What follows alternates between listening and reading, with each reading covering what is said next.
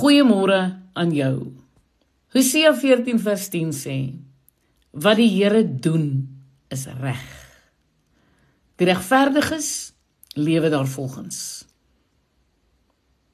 Lukas 18 vers 7 en 8 sê: Sal God dan nie aan sy uitverkorenes wat dag en nag tot hom roep reg doen nie?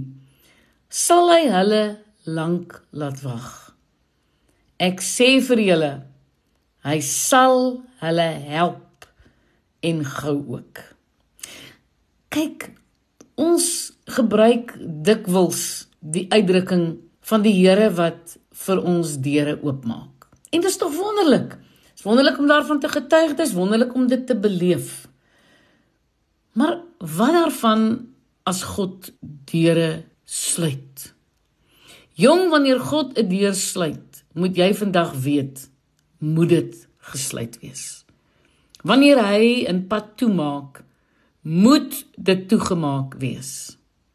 Toe hy Paulus en Silas in die tronk laat gooi het, het God 'n plan vir die tronkbewaarder gehad. Terwyl Paulus en Silas gesing het, het God die tronk laat bewe.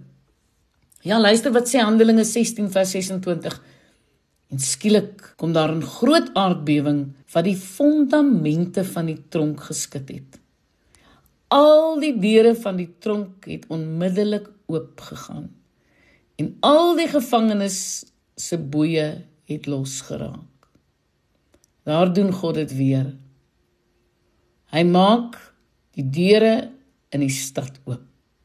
Toe die tronkbewaarder besef wat gebeur het, het hy aangeneem al die gevangenes het nou ontsnap.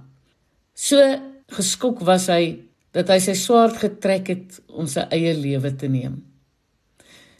En toe Paulus hom vertel dat dit nie so is nie, het hy die twee sendelinge uitgebring en gevra: "Menere, wat moet ek doen om gered te word?" Handelinge 16:30. Paulus het vir hom gesê: "Hy moet glo En weet julle wat? Hy het geglo. En hy en sy hele familie is gedoop.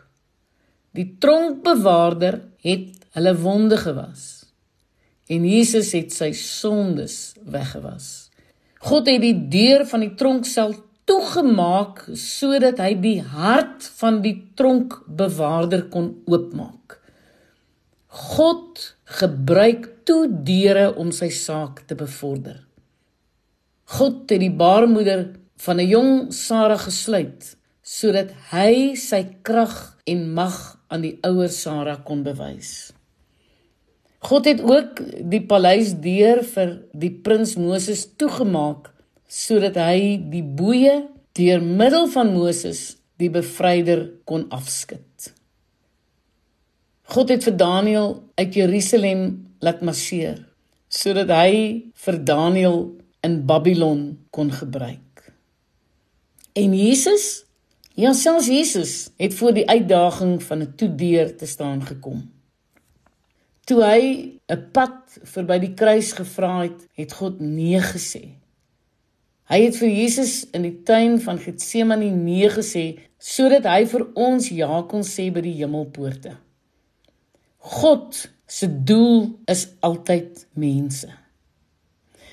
Ek wil hê jy moet dink oor wat die laaste tyd in en met jou in jou lewe gebeur het. En dan wil ek hê jy moet met 'n ander perspektief daarna kyk. En dan moet jy stil word vir God en vir God sê Here, ek aanvaar dat hierdie deur wat U toegemaak het tot my voordeel sal wees.